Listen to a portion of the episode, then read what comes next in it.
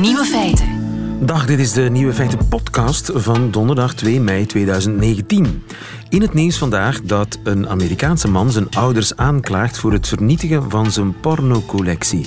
De man die de naam Charlie kreeg, verhuisde in 2016 tijdelijk terug naar zijn ouders na een scheiding. Tien maanden later verhuisde hij weer naar een eigen stek, maar toen hij zijn pornocollectie wou meenemen, bleek die verdwenen. Meer dan 1600 dvd's. Zijn ouders hadden de collectie, die volgens Charlie meer dan 28.000 dollar waard was, vernietigd. Met de beste bedoelingen naar het containerpark gebracht. Nu eist Charlie meer dan 86.000 dollar de waarde van de collectie plus de kost om zeldzame stukken terug aan te vullen. Onder die zeldzame stukken zaten films als Frisky Business en Big Bad Grannies, die u ongetwijfeld niet kent. De andere nieuwe feiten vandaag. Kookboeken nemen het niet al te nauw met voedselveiligheid. Een toevallige ontdekking kan een revolutie ontketenen in de wereld van de batterijen en de elektronica. De Zuid-Afrikaanse atlete Semanya mag niet meer meedoen aan wedstrijden omdat ze te weinig vrouw is. En het enige wat echt helpt tegen slakken is pils. De nieuwe feiten van Jovan Castiel hoort u in haar middagjournaal. Veel plezier. Radio 1. Nieuwe feiten. De Zuid-Afrikaanse atlete Caster Semenya mag niet meer meedoen aan wedstrijden, want ze is niet vrouw genoeg, zegt het Internationaal Sporttribunaal. Gietjoen, goedemiddag. Goedemiddag. U bent uh, endocrinoloog, vind ik altijd een vreselijk woord, endocrinoloog van het UZ in Gent. Caster Semenya vangt dus bot, want ze was in beroep gegaan tegen een beslissing van de Atletiekfederatie die een testosteronlimiet oplegt aan vrouwen. Vrouwen die van nature boven die limiet zitten, moeten medicijnen slikken om hun mannelijke hormoonspiegel naar beneden te krijgen. Vond Semanya niet eerlijk. En uh, ja, nu krijgt ze ongelijk.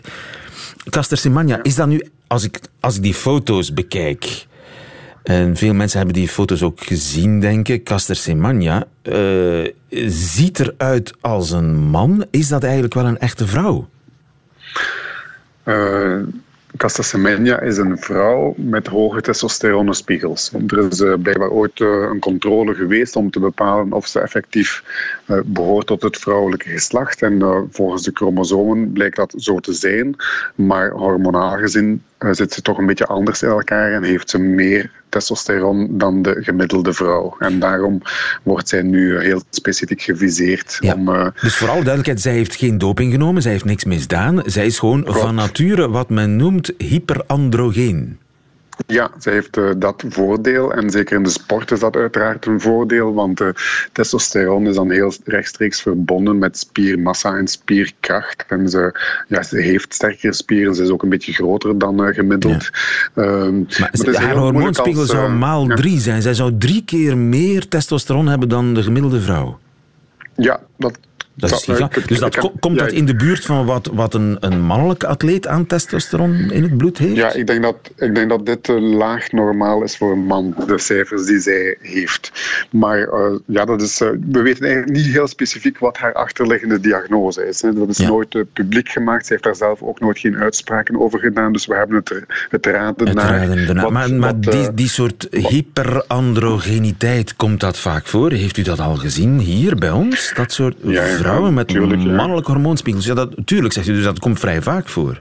Dat komt niet vaak voor, dat is een grote zeldzaamheid. En vandaar dat ik het ook een beetje jammer vind dat ze deze zeldzame vrouw nu met hoge testosteronspiegels wil uitsluiten van sportactiviteiten. Maar het is een zeldzaam fenomeen. Het, zijn, het valt onder de categorie van de variaties in de geslachtsontwikkeling, waarbij bij sommige mensen de chromosomen een beetje anders zijn of de hormonen een beetje anders zijn. Maar zij identificeert zich vooral als vrouw, blijkt ook genetisch zo te zijn. Um, maar het is een zeldzaamheid en ik vind net deze beslissing om haar een anti-testosteronbehandeling op te leggen een beetje bizar. Zij vindt dat mensonterend. Ja, ik vind het ook. Uh, maar ik begrijp het natuurlijk, hè, want ja, je ziet gewoon op het zicht hè, dat zij er anders uitziet dan de gemiddelde vrouw en dat zij dan inderdaad dat sportvoordeel heeft. En als je dan toevallig de nummer twee bent uh, met veel minder testosteron, dan mag je nog trainen zoveel of je wilt. Uh, dan zal je nooit de, de cijfers halen of de resultaten halen van, uh, ja, van Semenya. Maar precies dat vinden de andere atleten eigenlijk oneerlijk en die juichen die beslissing van het tribunaal toe. Ja, maar er zit, er zit eigenlijk wel een, een, fout in de redenering of, of, een discriminatie naar vrouwen toe. Want laten we het voorbeeld nemen van uh, Usain Bolt. Die heeft dan, uh, is dan extra groot, heeft extra lange benen, loopt daarom sneller. En ik heb alleen maar gejuich gehoord rond uh, Usain Bolt. Maar nooit heeft iemand gezegd van ja, eigenlijk is hij te groot om te mogen lopen. Ja, eigenlijk moet er een limiet komen op de lengte van de benen. Om andere atleten ook een kans te geven. Dat is eigenlijk precies hetzelfde daar komt het eigenlijk een beetje op neer. Ik heb ook nog nooit gehoord van deze atleet is te groot en mag daarom niet meedoen aan basket. Hè. Want het, het hoort tot de natuurlijke variatie eh, tussen mannen uh, of bij vrouwen onderling. Ja, nu, ik kan me voorstellen dat dat emotioneel ook niet simpel is. Ja, het is een sportvoordeel, dat begrijp ik. Maar sociaal is het niet meteen een voordeel om er als vrouw uit te zien als een man.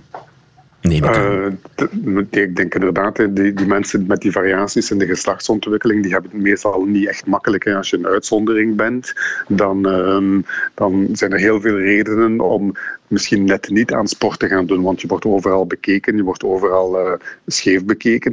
En dan denk ik uh, dat het net zo moedig is en dat zij net zo'n voorbeeld is voor vrouwen en vrouwensport, dat zij ondanks ja. die, dat uitzonderlijk zijn, toch, toch die sportweg opgaat en, en weigert succesvol om, in lijkt te zijn. En weigert om haar hormoonspiegel, haar mannelijke hormoonspiegel, met medicijnen naar omlaag te halen. Wat, neem ik aan, veel vrouwen in haar situatie zouden doen. Ja, ja, ik weet natuurlijk niet, ik zeg, ik, ken niet wat, ik weet niet wat de achterliggende diagnose is. En in die zin uh, weet ik niet in welke mate dat het gezond zou zijn voor haar om die testosteronspiegels te laten Ja, want dat is nog een andere vraag. Is dat eigenlijk wel gezond, medicijnen slikken tegen testosteron? Ja, ik denk als je testosteronspiegel uh, dermate hoog is als bij haar, dan denk ik dat een antitestosteronbehandeling er sowieso zal voor zorgen dat haar spierkracht en haar spiermassa zal afnemen, want er is een rechtstreeks verband tussen die twee. En bovendien denk ik ook dat dat emotioneel toch wel heel wat betekent. En uh, zo'n anti-androgeenbehandeling resulteert niet zelden in uh, vermoeidheidsklachten of depressieve klachten. Dus in die zin wordt ze inderdaad wel met zo'n maatregel gedwongen naar slechtere prestaties toe. Wat volgens mij oneerlijk is, want ja, ze heeft daar zelf niet voor gekozen, voor deze diagnose. En ze heeft ook niks fout gedaan. Ze heeft niks fout gedaan, toch uh, haar concurrentes vinden het uh, wel oké.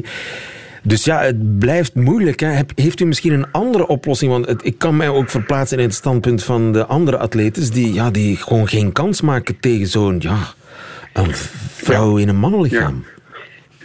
Ik denk niet dat er een goede oplossing is voor dit probleem. Maar als, zolang men eigenlijk vasthoudt aan uh, specifieke mannen- en vrouwencategorieën in topsport, dan zullen deze problemen altijd blijven opduiken. Zou je die dan afschaffen, mannen en vrouwen, allemaal samen sporten? Ik, ik weet dat het ook geen geen perfecte oplossing is, maar ik denk als men zou indelen volgens testosteroncategorieën, dat men eigenlijk al een beetje eerlijker is. Net zoals dat men volgens gewichtsklassen in het boksen bijvoorbeeld uh, atleten zal indelen, denk ik dat voor dergelijke loopsporten dat een testosteroncategorie, eh, hoog of middelmatige of uh, lage testosteronspiegels, eigenlijk een veel eerder, eerlijker manier van competitie zou zijn. Misschien is dat de toekomst. Wat zegt u? Misschien is dat de toekomst, want ja, de, het aantal transgenders in de sport neemt ook toe. Klopt, uh, daar heb je ook discussie over uh, testosterongehalte enzovoort. Ja, daar is het uh, juridische geslacht eigenlijk voor de meeste mensen helemaal niet meer de maatstaf om iemand in een uh, mannen- of vrouwencategorie te laten sporten. Hè, volgens dus de wetgeving van 1 januari gewoon 2018. mannen en vrouwen af en we maken uh, naar analogie met de gewichtsklasses in, in, de, in het boksen gewoon ja. testosteronklassen. Dat zou mijn eerste voorstel zijn. Ik weet dat dat niet perfect is, want je hebt nog iets als hormoongevoeligheid. De ene man of vrouw is al gevoeliger aan testosteron, dus heeft er minder of meer nodig. En dus dat is zeker niet het einde van het verhaal, maar in, in alle slechte oplossingen om mensen op te delen, denk ik dat dat op sportgebied misschien wel nog de beste zou zijn. Ja. We zullen zien of uh, uw voorstel kans maakt of daarover nagedacht wordt. Want in dat geval zou Caster Semenya wellicht tussen de mannen lopen. Ik denk dat zij inderdaad dan in een aparte categorie valt die, uh, die dan uh, geen hoge mannelijke hormonale testosteroncijfers heeft, maar dan ook niet de lage vrouwelijke ja. cijfers, maar dan ergens tussenin. En dat het zou dan misschien wel een andere categorie kunnen zijn. Ik ja. weet dat dat heel complex lijkt. Complex, maar eerlijker maar, misschien. Maar misschien wel eerlijker naar de tegenkandidaten toe. Ja. Dankjewel, Gietjoen. Goedemiddag. Nieuwe feiten. Zelf koop ik ze alleen maar voor de foto's, maar als u kookboeken ook daadwerkelijk zou gaan gebruiken, dan deze waarschuwing. Volgens een Canadees onderzoek nemen kookboeken het niet zo nauw met de voedselveiligheid. Wieke van der Vossen, goedemiddag. Ja, goedemiddag. Wieke van het Voedingscentrum eh, Nederland. Canadese onderzoekers zeggen dat kookboeken niet altijd even veilig zijn. Wat is er mis met die kookboeken? Ja, in deze Canadese studie hebben ze uh, geconcludeerd dat kookboeken niet uh, voedselveilig zijn. Ze hebben eigenlijk 30 populaire Canadese kookboeken bekeken. En ze hebben vooral gekeken van hoe die kookboeken omgaan met vlees en vis.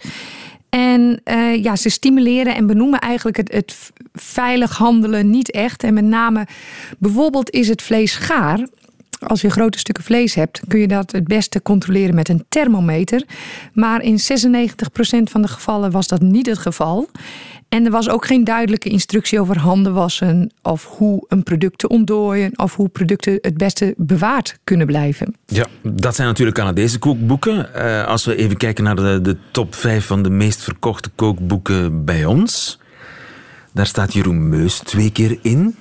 Naast Sergio Herman, Pascal Nases en uh, Sandra Beccari. Als we nu eens, uh, en Jeroen Meus kennen we natuurlijk als de tv-kok. Geweldige kok, geweldige televisiepersoonlijkheid. Uh, maar hoe zit het met zijn uh, recepten? Want hier is hij bijvoorbeeld iets met de zwarte pens aan het doen.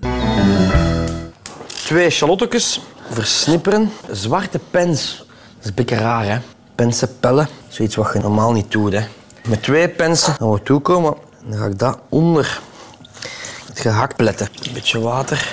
Mijn hand een klein beetje nat te maken. Handen een klein beetje nat maken, shallotjes pletten en zwarte pensen pletten. Is, is dit eh, helemaal oké met de voedselveiligheid? Uh... Nou, het, het, zijn wel, uh, het zijn wel rauwe producten. Waar hij hiermee uh, mee te maken heeft, is rauw gehakt, rauwe pens. Ja. Uh, daar kunnen bacteriën in zitten. En uh, hij benoemt wel het, het, het uh, nat maken van de handen. En met name om, om die gehakt brood. Want daar ging het in dit geval ook over. Um, om dat goed te vormen. Maar het is ook belangrijk om na het aanraken van rauw vlees je handen goed te wassen. En, uh, dat heeft hij niet gedaan. Tenminste, niet in beeld. Misschien nou, heeft hij het wel gedaan, maar ja, buiten beeld. Ja, en, en, en dat zie je meer in die, bij die tv-koks. Misschien doen ze het wel, maar het is niet in beeld. En daardoor is het ook niet duidelijk of, uh, of het gedaan wordt. Terwijl het wel een hartstikke belangrijke handeling is om te voorkomen dat je ja, ziekteverwekkers verspreidt. He, ook nadat je het gehakt hebt, gevormd, om dan een pepermolen te pakken met je vieze handen. Ja, dan kun je de, die bacteriën makkelijk verspreiden. En ja, daar kun je ziek van worden. Dus uh, misschien is het wel gedaan, uh, maar het is niet in beeld. En door het wel in beeld te brengen, attendeer je mensen eigenlijk ook nog even extra op het feit van, god, dat is ook belangrijk om te ja, doen. Maar ja, tv-tijd is schaars. Hè? Misschien wordt het dan ook een beetje saai als je iedere keer over veiligheid uh, begint. Nee? Nou, ik, ik begrijp wel dat ook in recepten je niet iedere keer wast of begint met, met, met handen wassen. Dat, dat begrijp ik ook wel. Aan de andere kant, je kunt het soms subtiel wel even verwerken of er toch even in het voorwoord iets over hygiëne uh, vermelden. Ja. Want uh, we weten wel dat ongeveer uh, 40% van de voedselinfecties die ieder jaar plaatsvinden, toch thuis plaatsvindt. Dus het is wel een belangrijke Hoeveel bron. procent? 40 procent. 40 procent ja. van de voedselvergiftigingen zijn gewoon thuis. Dus Ja. zijn te vermijden als je de standaardregels toepast. Ja, van inderdaad. hygiëne. Want het is juist heel goed te vermijden als je gewoon netjes hygiënisch werkt en je vlees goed verhit. Dan gaan de bacteriën ook gewoon dood. Ja, eens even kijken of uh, Jeroen Meus nog iets verkeerd doet bij. Want, want de zwarte pensen zijn bijna klaar. Tijd om een sla te wassen en te drogen. En die voorzichtig in een handdoek leggen. En even uitzwieren. Sla, wassen en uitzwieren, was daar iets mis mee? Nou ja, het is belangrijk uh, dat de handdoek natuurlijk schoon is. Dat je niet een gebruikte handdoek uh, gebruikt die je ook gebruikt hebt om je handen te drogen. Want, uh, of andere dingen mee te doen. Um, en... Ah, dus hij heeft geen aparte handdoek gebruikt om de sla te zwieren. Nou, en dat, dat is wel belangrijk. Want als jij uh, gewoon je handen gebruikt voor, uh, voor het vormen van het rauwe gehakt. en je maakt het even schoon met je handdoek. en daarna ga je die, die rauwe sla daarmee uh, mee schoonmaken of, of uitzwaaien. Dan, ja, dan kunnen die bacteriën in de sla komen. En ja, dat verhit je niet. Dus ja. dan is de kans ook aanwezig dat je het opeet en, en er ziek van wordt. Ja, nu, maar dat is iets wat iedereen, denk ik, doet. Hè? Of heel heel, veel mensen doen dit. Handdoeken gebruiken voor beide dingen. Ja, ja, dat klopt. Dat wordt heel veel gedaan. En dan zie je ook dat het bij eh, tv-koks ook eh, heel veel uh, gebeurt. Ze hebben in Kansas University wel eens een onderzoek gedaan naar tv-koks. En hebben honderd kookprogramma's bekeken. En daar zie je dit soort situaties, dus van het gebruik van dezelfde handdoek uh, het hele programma door. En uh, uh, ja, het niet handen wassen tussendoor, dat zie je wel heel vaak terugkomen. Ja, en altijd dezelfde snijplank gebruiken voor van alles? Ja, nou, het, het, het, kan, het kan wel. De voorkeur heeft wel om voor rauw vlees een, een aparte snijplank eh, te gebruiken. Um, maar goed, heb je maar één snijplank, dan is het gewoon heel belangrijk om die tussendoor even goed te wassen met heet water. En, en ja, dan uh, het te gebruiken voor je groente om dat te snijden. Ja. En bijvoorbeeld tiramisu, als die klaar is moet je hem in de koelkast bewaren. Maar ja, hoe lang bewaart hij? Dat staat er nooit bij. Nee, Nee, dat was ook een van de dingen die, eh, die wel opvallen in, in kookboeken. Uh, tiramisu is een gerecht met rauw ei. Dus uh, ja, dat is toch kwetsbaar en wel snel uh, bederfelijk. En hoe, ja, hoe lang kun je dat dan bewaren? En ook de temperatuur van de koelkast is ook belangrijk. Uh, eigenlijk 4 graden is de beste temperatuur. Maar dat soort tips, ja, die staan dan vaak niet in de, in de kookboeken. Ja, we hebben jou een paar Vlaamse kookboeken bezorgd. Wat is je algemene conclusie? Kan het beter? Ja, ik, ik denk uh, zeker dat het beter kan. Ik, ik kan me wat dat betreft. Uh, uh, zijn het hele mooie, mooie kookboeken trouwens. Ik heb ze met plezier bekeken. Um, maar ja, die tips zoals handen wassen tussendoor. Of hoe lang, wanneer is nou dat stuk gehakt. Wanneer is het nou gaar? Er staat wel dat het halfbruin gebakken moet zijn, maar is het dan de buitenkant, maar is de binnenkant dan ook gaar? Ja, dat soort tips, dat ontbreekt vaak eigenlijk in de, in de kookboeken. En is er iemand die eruit springt in positieve of negatieve zin? Nou, eigenlijk in, uh, overal was het wel uh, vergelijkbaar. De, de recepten waren wel duidelijk anders. En Puur Pascal was toch veel met groente en vis. Uh, ja, daar misschien soms wat, wat gerechten met groenten... dat die soms wat minder risicovol zijn dan met vlees. Dus uh, daar zag je wel verschil in. Maar over het algemeen uh, kwamen de, de, ja, de, de aandacht voor voedselveiligheid was, uh, was bij allemaal wel vergelijkbaar eigenlijk. Ja, en vergelijkbaar ondermaats. En vergelijkbaar ondermaats. En een ander aspect trouwens is, is de, ja, naast de tekst ook het beeld. Want u zei eigenlijk zelf al van ik gebruik ze toch vaak voor de plaatjes en beeld is heel belangrijk. En als je dan inderdaad een, een stuk vlees laat zien waaraan de binnenkant nog ja, rauw is, uh, ja, dan geeft dat ook een, een, een beeld van dat, dat dat wel de juiste manier is. Dus ook, ook beeld moet eigenlijk uh, het, de tekst versterken. Ja, ja, meer aandacht voor voedselveiligheid gevraagd. Wieke van der Vos, van der Vossen van het Voedingscentrum Nederland. Dankjewel. Ja, graag gedaan. Dag. Dag. Nieuwe feiten. Hallo. Er is eh, per ongeluk een nieuw wondermateriaal ontdekt dat een ware revolutie kan ontketenen in de wereld van de batterijen en de elektronica. Professor Dirk van Dijk, goedemiddag. Goedemiddag, lieve. Tja, je zoekt iets en je vindt iets anders. Zo gaat het vaak hè, in het leven en zo gaat het blijkbaar ook in de wetenschap. Want plots waren er, hoe heet het, fosforeen nanolinten. Ja, een paar jaar geleden is de Nobelprijs uh, toegekend voor mensen die grafeen ontdekt hadden. Dat was dus tweedimensionaal koolstof, wat men nooit dacht dat kon gemaakt worden. Superdun. Superdun. Eén, één atoomlaagje dik, maar met heel knappe, heel speciale eigenschappen. Dus probeerde men eens na te gaan, als we iets anders kunnen maken dan met koolstof, maar bijvoorbeeld met fosfor, en we zouden dat tweedimensionaal kunnen maken, dat heeft dan andere eigenschappen. Hè? Dus En, daar waren eh, ze volop mee bezig. Volop mee, wel, de, de voorspellingen waren er al. Moest men dat kunnen maken, dan... eh, Een dan superdun laagje fosfor, zoals Inderdaad. een superdun laagje grafeen. Absoluut. En eh, men is erin geslaagd in, eh, in Londen, hè, University College, om dat te maken. Maar tot hun verrassing komt daar geen gewoon tweedimensionaal plaatje uit, maar een soort ribbons, noemt men dat. Zoals golfplaten. Hè? Dus je kent golfplaten. Ja.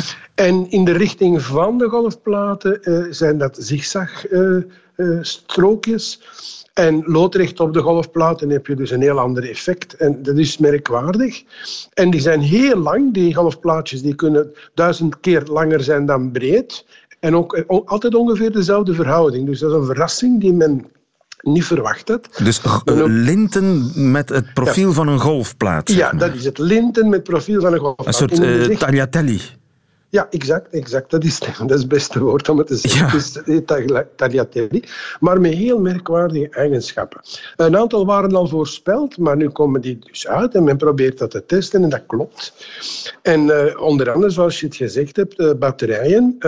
Het zou... Bijvoorbeeld een vaste stofbatterij, daar zit lithium in, dat weet je.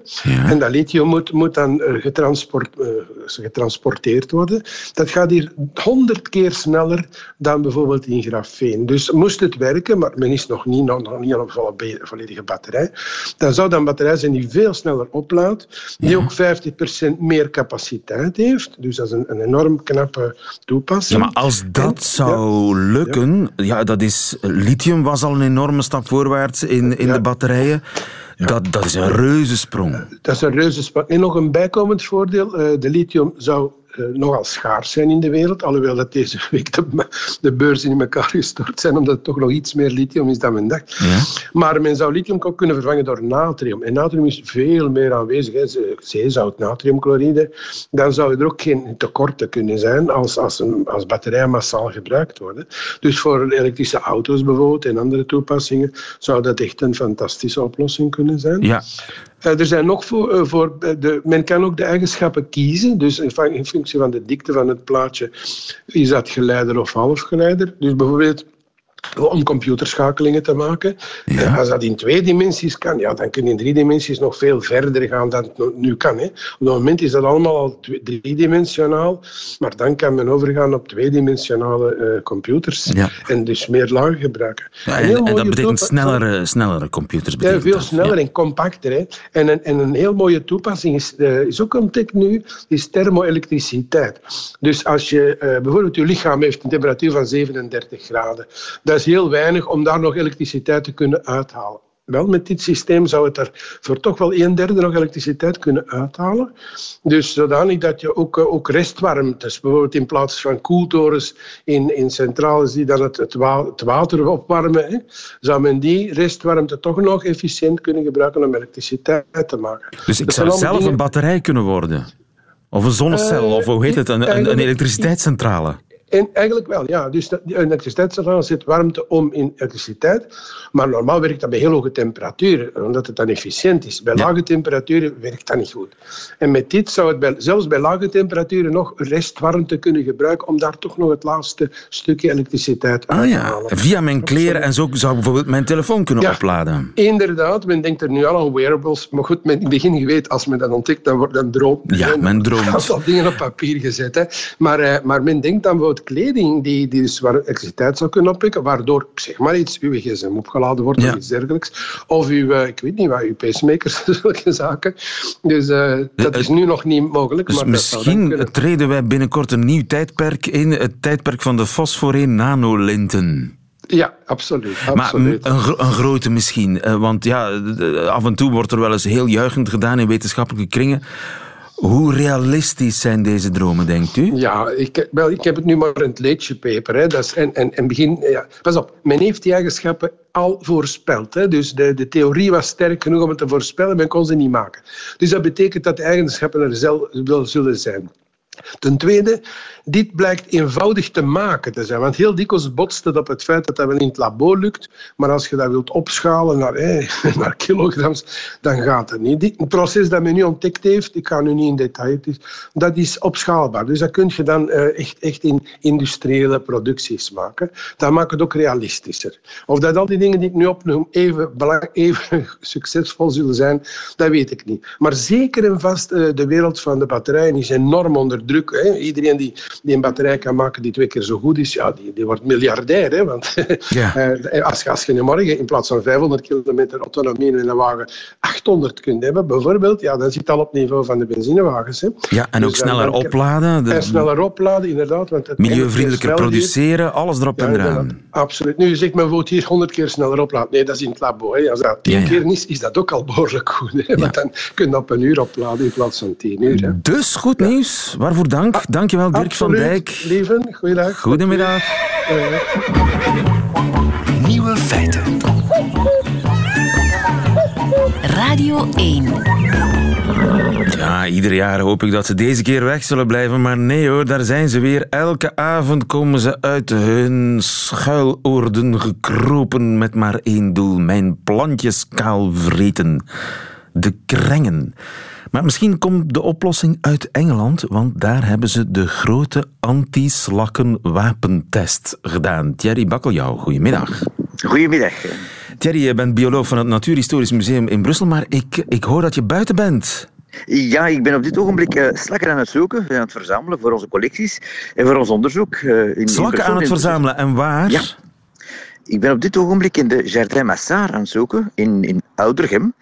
En dit is een plek waar men al vele jaren uh, onderzoek vliegt naar insecten. En waar men ook meer dan 1500 verschillende soorten insecten heeft gevonden. En waar we nu ook de slakken gaan bestuderen. Aha. Nu, uh, dat uh, anti-slakkenwapengeval in Engeland. Ze hebben daar meer dan 150 burgerwetenschappers, zeg maar, aan het werk gezet. Mensen met een tuin. wat moesten die mensen doen? Wel, die moesten in hun tuin een opstelling maken met uh, vier glazen, waarin ze dus bier, uh, water, uh, een ander biersoort en nog een vierde soort drankje moesten brengen, aanzetten. En, en dan eigenlijk daarmee slakken gaan vangen in hun tuin. Dus, dus vier glazen, ingraven, dus gewoon ja. een glas ja, in de grond duwen. Helemaal in de grond duwen? Niet helemaal in de grond, zodanig dat er ongeveer nog een, een, een, halve centimeter van het glasrand boven de grond uitsteekt. En dan werd het glas gevuld met ongeveer drie vierde van de vloeistof. En dus een, een glas met bier en een glas met kruidenbitter? Ja, men, men, men probeert dus twee biersoorten. Hè. Dus een gewoon pintje als het ware en dan een donker biertje. Uh, dan water, gewoon water. En dan was het vierde glas, daar mocht men eigenlijk een beetje kiezen wat voor soort uh, vloeistof men daarin deed. En daar heeft men onder andere bijvoorbeeld uh, fruitsap in gedaan, of cider, of dat soort van zaken. Oké. En wat is het resultaat? Wat werkt er het best tegen slakken? Wel, hetgeen wat het, het meest uh, efficiënt was om slakken te vangen, was het bier. En dan gewoon het gewone pintje zelfs. Hè. Dus zelfs niet het, de, het donkere bier, maar het gewone lichte bier bleek zeer efficiënt te zijn om slakken te vangen. Slakken zijn dol op pintjes. Wel, je moet het een beetje natuurlijk uh, relativeren. Het is niet zozeer de pintjes, het is ook zeker was niet de alcohol, maar het is vooral de gist of de gistingprocessen die substanties vrijgeven waar slakken op afkomen. En dus die slakken kruipen naar dat glas bier, vallen erin en einde. En, en einde, ja, absoluut. Ja.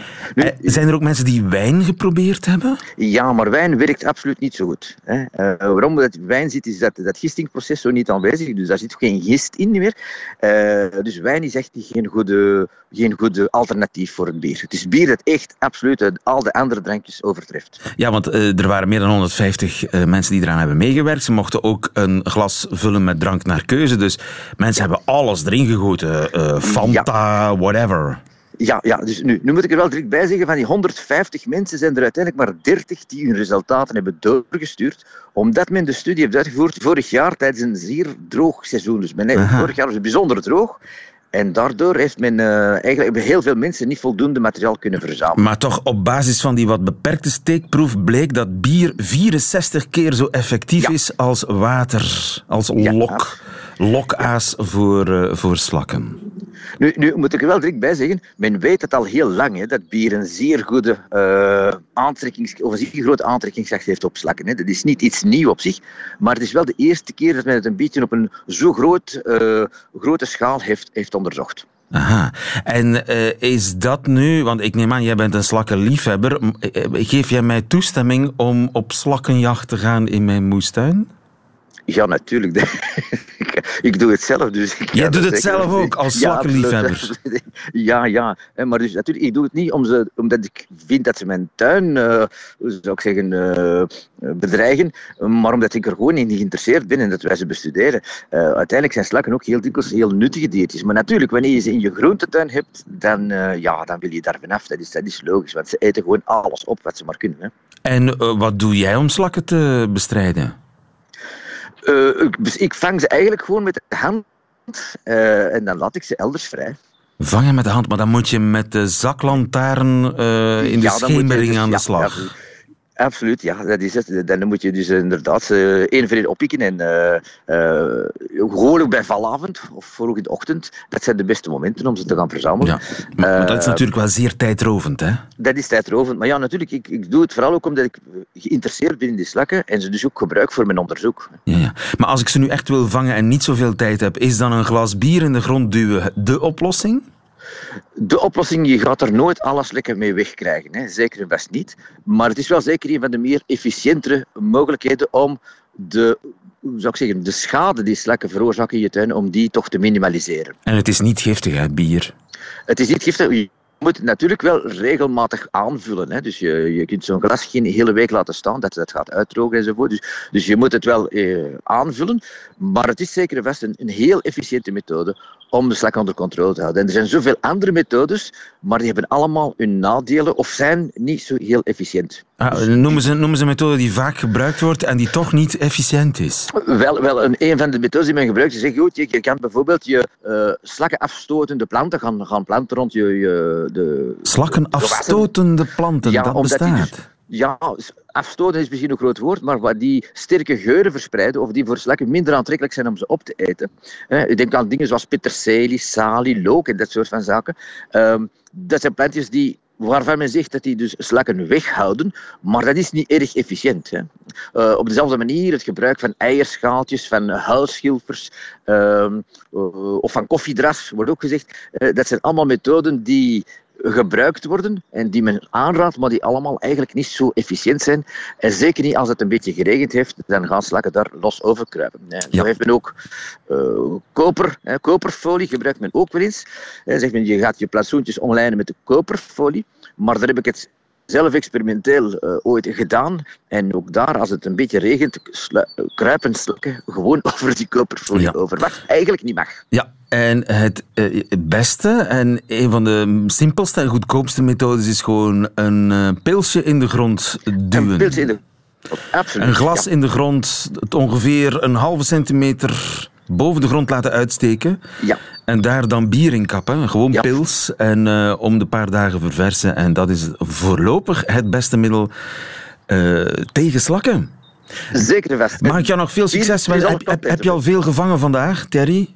Nog niet zo heel veel, want eigenlijk is het weer niet optimaal voor slakken. Hè. We, het is een beetje te droog nog. Het is nog vroeg in het jaar, het is nog wat te droog. Dus nog veel soorten hebben we nog niet gevonden. Als maar we zijn nu eigenlijk een beetje een planning aan het maken van hoe we de, komende weken en maanden uh, het materiaal gaan verzamelen. Op zoek naar uh, nieuwe, zeldzame slakken, neem ja, ik zeker aan. Wel, ja. Voor het Natuurhistorisch Museum. Dankjewel, Thierry Bakkeljauw. Graag gedaan. Radio 1, altijd benieuwd. Een pintje bier voor de slakken. Goeie tip toch van uh, onze slakkenman Thierry Bakkeljauw. 2 mei 2019 vandaag.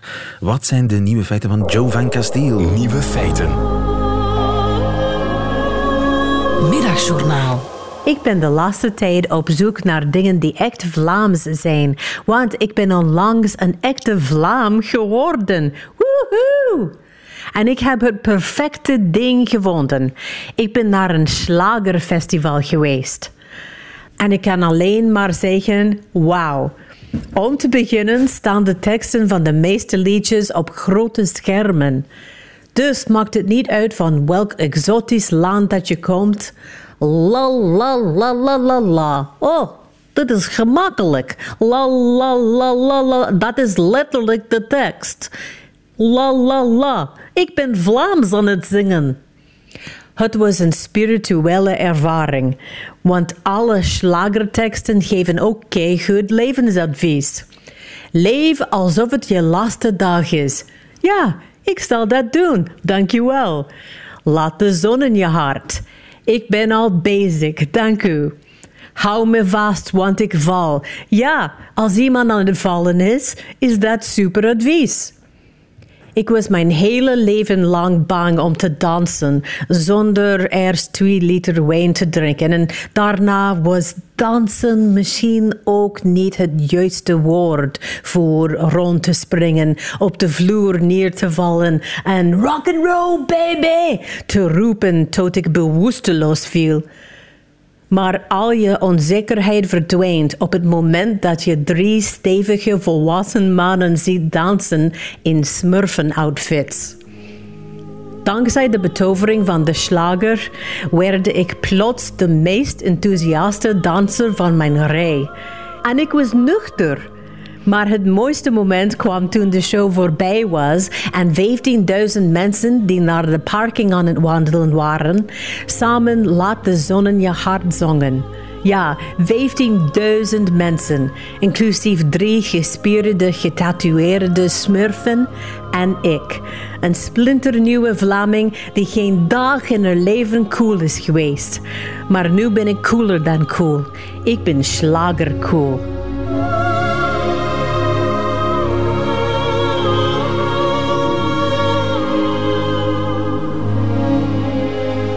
Joe Van volwaardig Vlaams in het middagjournaal, de Amerikaanse. Einde van deze podcast, maar u vindt er nog veel meer op radio1.be en op de podcastkanalen. Tot volgende keer.